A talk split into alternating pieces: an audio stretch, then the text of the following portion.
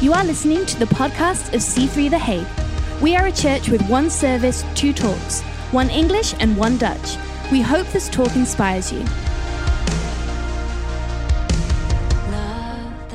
It's uh, Acts chapter 2, verse 1. I'm reading out of the NIV translation. Um, we're going to talk about the power of movement. And, and it says that when the day of Pentecost came, they were all together in one place. When the day of Pentecost came, they were all together in one place. Now, I don't know whether uh, some of us have had family dinners that didn't go as planned, where it didn't feel like, it felt like we were in one place, but maybe it didn't quite feel like we were together. Um, you want to put up your hand? If, no, no, I'm, I'm kidding. But I, have had that, by the way. I'm telling you quite honestly, I feel that last Christmas was a bit like that for us. It felt like we were all in one place, extended family, but it didn't quite feel like we were together. I don't know what your political discussions or religious discussions were this year, but those are becoming increasingly, especially political, less helpful uh, as you are together, but very likely, or as you are in one place, but very likely not together. And the the first thought I want to share with you is that the power of movement really starts when we as a church are together in one place. But we're not just in one place, but that we are together in a place. So it is possible to be in one place, but not together. And so I feel that in the in the season we've had as a church, um, really the Holy Spirit has been speaking to us about about the sense of being together, about about the sense of being united. And and I and I think that there is there's a, a positive challenge um, that God is giving us in this church to to come together a little bit, to to work together, to uh, move in the same direction, and to to actually build a vision that we're passionate about. And so I want to speak into that a little bit today. And let me just say, first of all, this is uh, hopefully an encouraging thought that the kingdom of God is not a team, is not an individual sport. Um, the kingdom of God is really a team sport. I feel that every once in a while, the image of the kingdom of God gets distorted as an individual game. That we we feel like it is up to a couple of superstars uh, that have great podcasts and leadership and everything, and that they are shining examples of of Christianity, and it kind of sometimes feels disempowering. I think the more social media I see, the more I get the sense of the of, of the fact that it seems to be disempowering some people to do what God has called them to do because we look at others and we kind we, we, we tend to be we tend to kind of see that we are falling short. At least i think we tend to see like it's an individual game. We celebrate people but sometimes we are less equipped i feel to celebrate team. We celebrate leaders, but I think sometimes we, we might ignore the fact that we need to celebrate the church. And so the kingdom of God has never been set up as an individual game. It has never been set up. Actually, recently I, I, I heard this was interesting. Um, actually, it's also Acts chapter 2 um, this is kind of spontaneous, but but that when Peter stood up on the day of Pentecost, it's it says literally that he stood up together with the eleven. So we always think that Peter stood up and he preached a, a message, but it was really the twelve together. And yes, Peter spoke, but they were together representing Christ, and they saw 3,000 people getting saved. And here we are thinking it's Peter doing the work. That God will build his church on Peter. No, no, he will, he will not only do that. It was it was the sense of them being together in one place that really brought about a testimony that was powerful. And let me tell you that the church is powerful when the church can get together. That we are better when we are when we are literally not just in one place, but when we are together, when we are when we become unified as a church. It doesn't mean that we all become robots and and you know, mechanical Christians and we all have to dress the same and work the same and all that sort of stuff. It still means that we actually the power of together is in the diversity, but the diversity is not in the vision and the mission. The diversity is in is in the part that each person plays. You understand what I'm saying? So I, I don't think that as a church we need to become mechanical. Yes, sir. Yes, sir. No, no, no. We, I need no people in my team. I need I need thinkers. I need prayers. I need people who are passionate. But when well, we can we can have discussions together. The apostles had discussions together where they didn't all agree and they had to come to some sort of an agreement. But they could have the discussion because there was a togetherness, because there was a submission to each other, there was a love for each other, and the Holy Spirit came after they were together.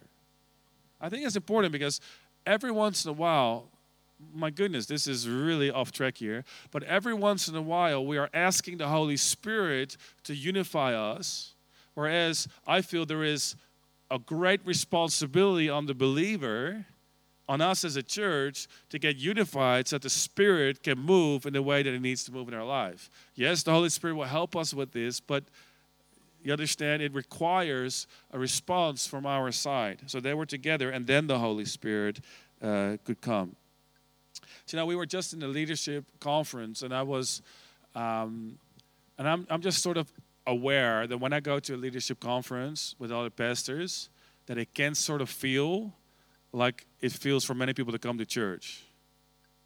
Right? As a leader, um, I kind of sometimes tend to think, you know what, I'm giving out a lot and I'm concerned for the people, I'm concerned for the church, and I'm loving people. So my leadership conference is my time to get encouraged.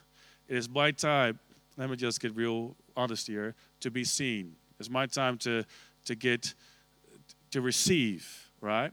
And so, and so a year ago, I made a really conscious decision. I sort of did it unconsciously, but I made a very conscious decision where I said, when I go to a leaders meeting, I am not coming to get, but I want to come to give and to and to and to encourage and to see so I'm not coming to be seen, I'm coming to see. I'm not coming to be encouraged, I'm coming to encourage others. I'm not coming to be, be believed in, I'm coming to believe in others. And I found that in conversations, I intentionally avoid the conversation of my church and I talk about them and I try to pick up a couple of things that maybe maybe they are distorted in their view of themselves because I found many people are distorted in their view of themselves because we see other people's successes and we see um, or actually just in our own life, we see what is going wrong and we feel like we've got 99 problems, but we don't see the things that are going well. Even though we've made progress, even though we're growing in different areas of our lives, we tend to see the problems, but not the grace. And so we focus on these problems. And what I've just found is if I just if I just have a conversation about the grace, if I have a conversation about the gifting that is on somebody's life, if I have a conversation on, hey, you know, I saw you did this on stage, and I thought it was really smart the way you did that, and I just and I just think that um, you've been really faithful, and I can see that yes, it can be tough, but you know, and I'm trying to encourage. I can see that the light goes on in their eyes, and you know, the, the funniest thing. This is a secret. I told Nicola yesterday. I wouldn't tell anybody this, but I've just found that that all these all these uh, that a lot of leaders really start to get really positive about me as a person as I encourage them. It's really strange. I encourage them, and the first thing that they say is, "Hey, why don't you come and preach in my church sometimes?" It's absolutely not what I what I'm aiming to do, but I just think somehow, you know, they they just start feeling like a million dollars, and and it's like reciprocated. They feel you are an added value, and so let me just say this: you can make people around you feel really great if you pick up on a sense of insecurity, and not by not by fakely boosting their ego saying, oh, you're awesome or you're fantastic, especially not by empty remarks that are not specific. But when you get really specific and you acknowledge a grace you see on a person, you know, I think that can be really powerful.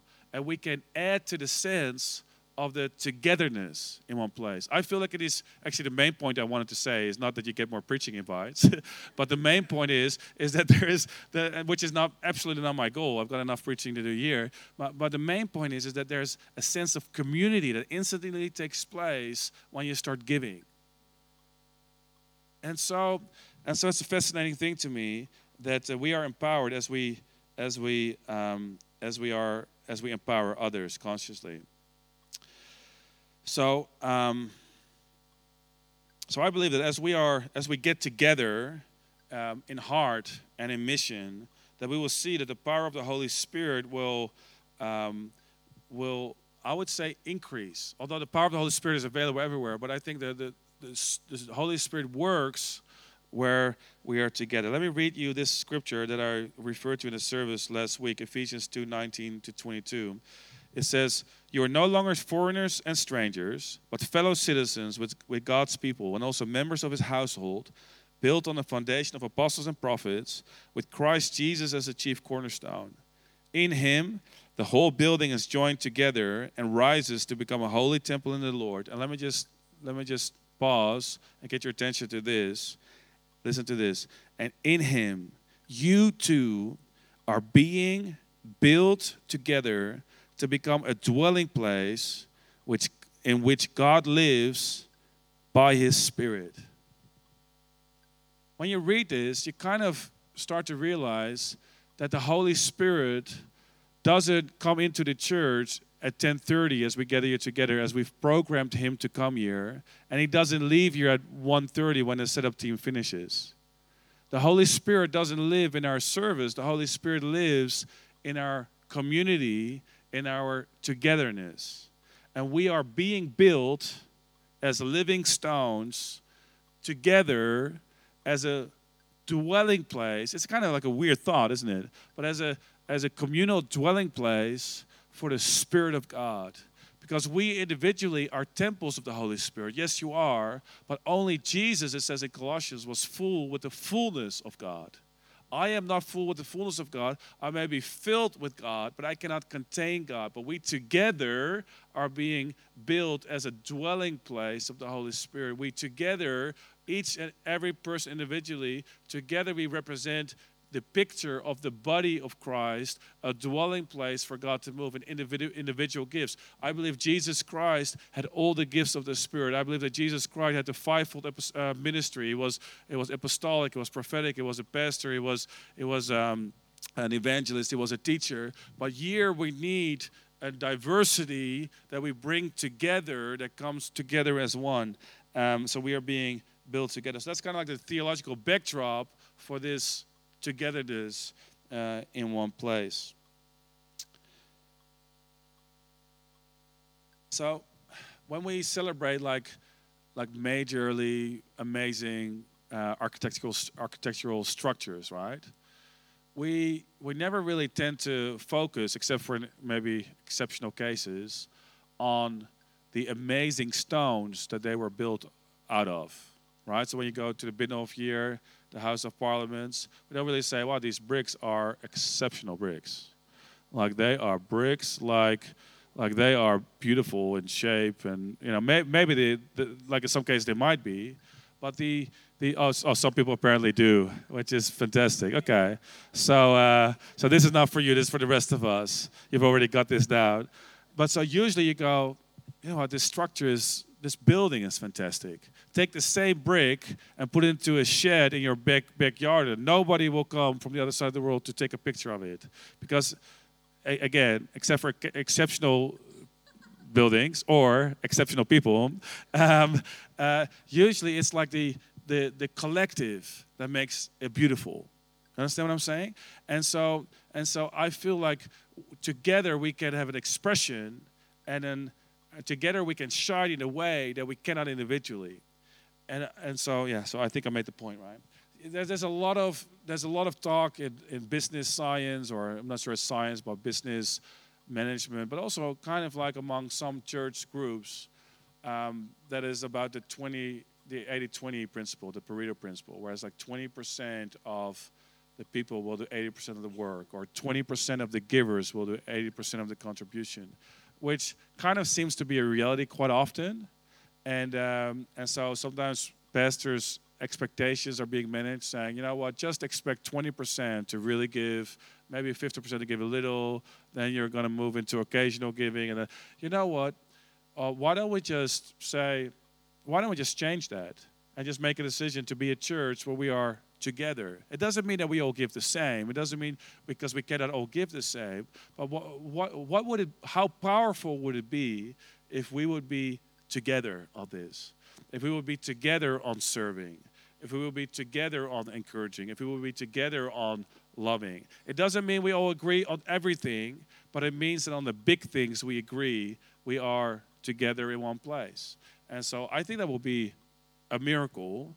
But I, somewhat naively, I think it can be done, because because these people, 120 of these people, and some of them were were characters. I'm telling you right now, like they were different in every single way. You had you had like uh, like a, a, zealot, which basically like a, a terrorist trying to over over over uh, take the uh, Roman government by by force, uh, and then you had tax collectors, basically traders to their own country, um, together in one place.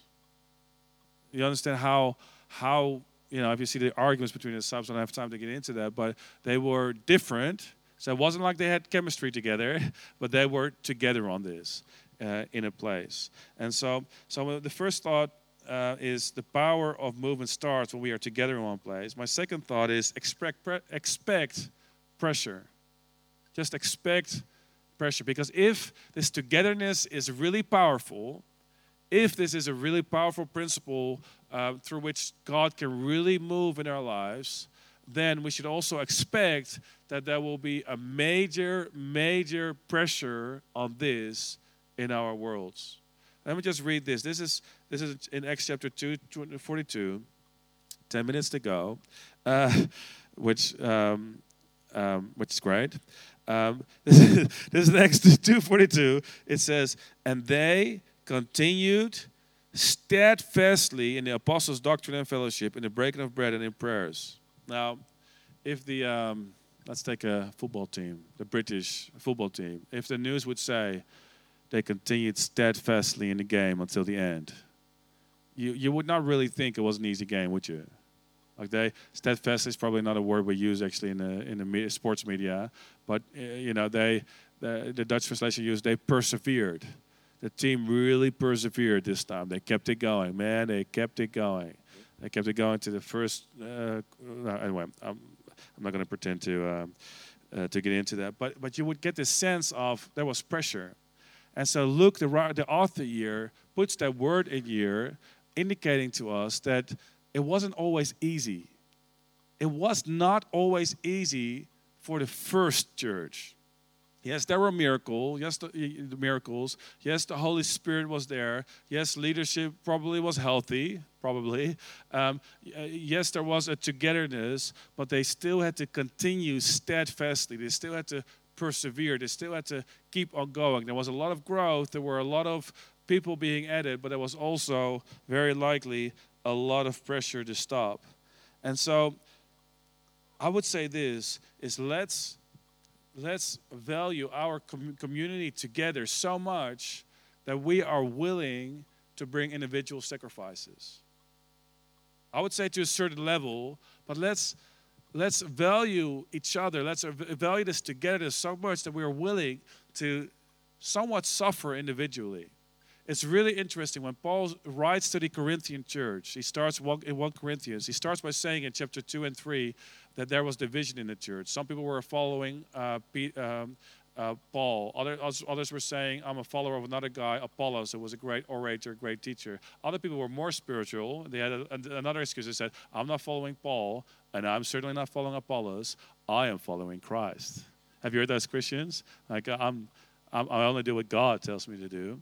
And so, you know, no, no leader tells me what to do. I'm a follower of Christ. And Paul says, You guys think you're spiritual. Why did he say that? Because there were a lot of spiritual gifts in the church. There were healings, there were miracles, there were prophecies, words of knowledge. People spoke in tongues of angels. People were prophesying at the same time. Like, there was like so much going on. But he says, You guys think you're spiritual, but you're not spiritual. You're really fleshly and carnal because you are still jealous of each other. You're still arguing. You're still thinking, arguing about who's the greatest, who's the best. I'm the, I am the um, I'm the greatest of all time and I'm the goat of this church and all that sort of stuff. And so there's this argument going on, and they think they're being spiritual because of spiritual activity, but really they're being carnal because of because of their motivations. And so sp- spiritual maturity really takes both gifts and character, and it requires character to be mature. Don't ever. I, I would encourage you to not trust people just because they are spiritually active let me just say it in vague terms, right? Just because they say they've got words of knowledge doesn't mean they're trustworthy.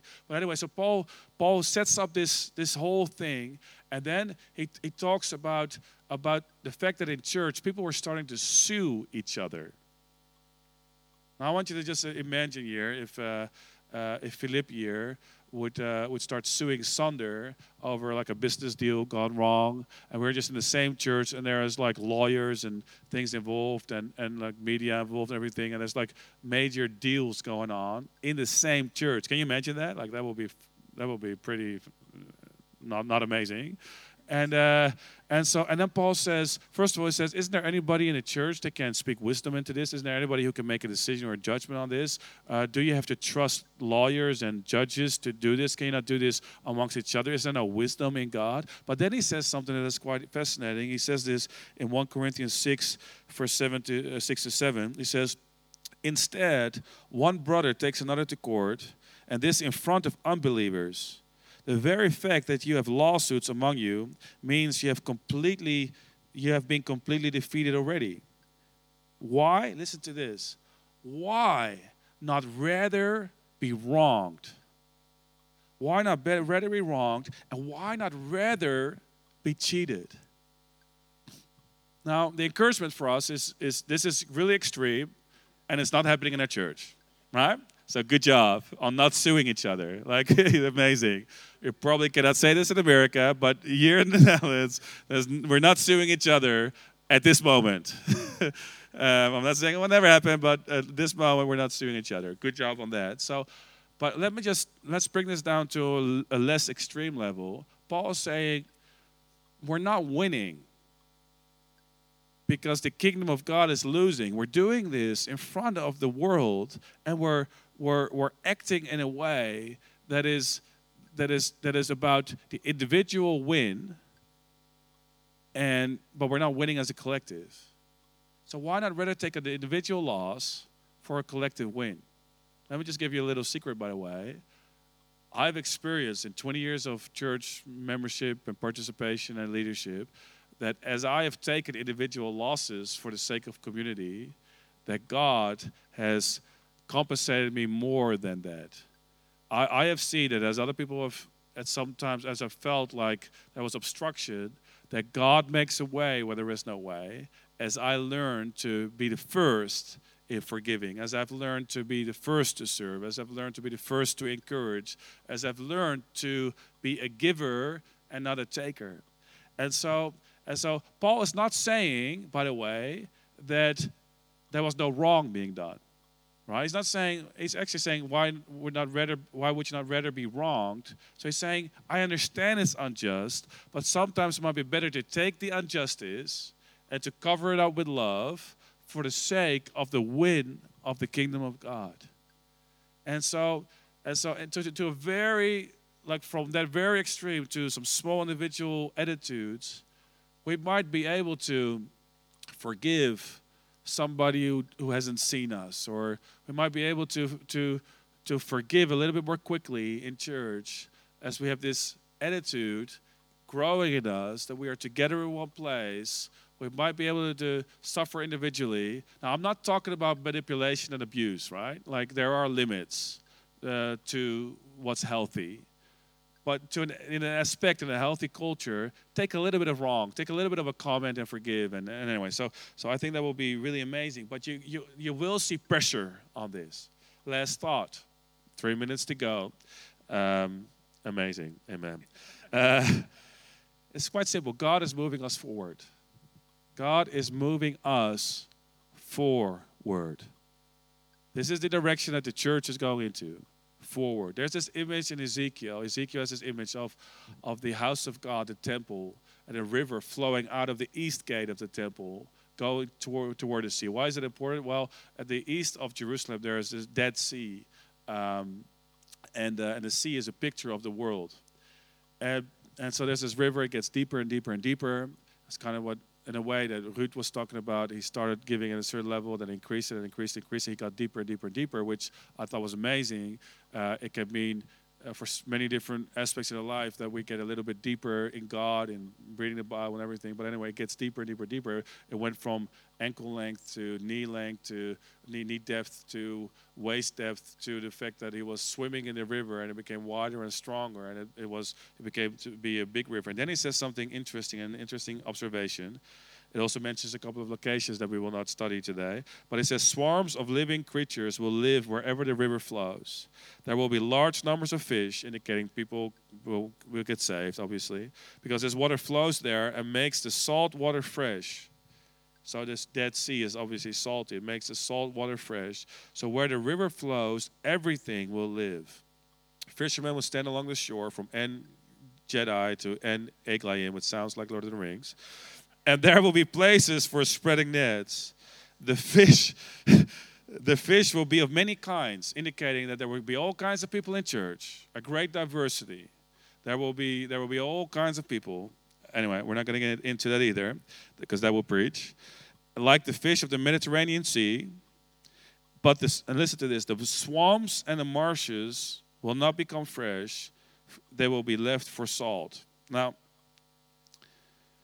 and let me just give you a little encouragement that I think sometimes when you're in the river of God, there comes a place, maybe through disappointment, maybe through busyness, maybe through different ways, there becomes a place where you can you can sort of think, oh, let me just take a moment to stop and and rest or whatever. And rest is good. God has created Sabbath regular rest is good. But there become there, like there can become a place in church where church becomes a little bit more passive, where where it goes again from being an ecclesia to being a church you go to. You just go to it, and um, um, and I find it very fascinating that the parts of the river that were not moving became a swamp, and there was no life there. But wherever the river was, wherever the river was moving, there was life. And I find it extremely interesting that the swamps, the still, the still places of water, the places that were not moving, were really stagnant places of water, and there was no life there. There were no fish there. There was no life being given there. As a matter of fact, it was more salty. It looked a lot more like the sea it was trying to go into. And I feel that in Christianity, we, as we become a little bit maybe too passive, what can sort of happen, maybe too passive in forgiveness, maybe too passive in this message of togetherness, what can sort of start to happen is we begin to look a little bit more like the world we're trying to reach. So now all of a sudden we start to forgive in a way that the world forgives. Or we start to give in a way that the world gives. And, and so our Christianity can look like the world when, it's, when it becomes stagnant.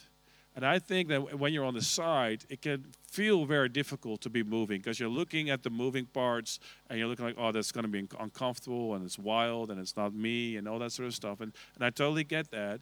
But I have found that once you get into it, that the river, the momentum of the river of the Holy Spirit will take you to place that you didn't think you could get into. I found that forgiving. I found that for forgiving.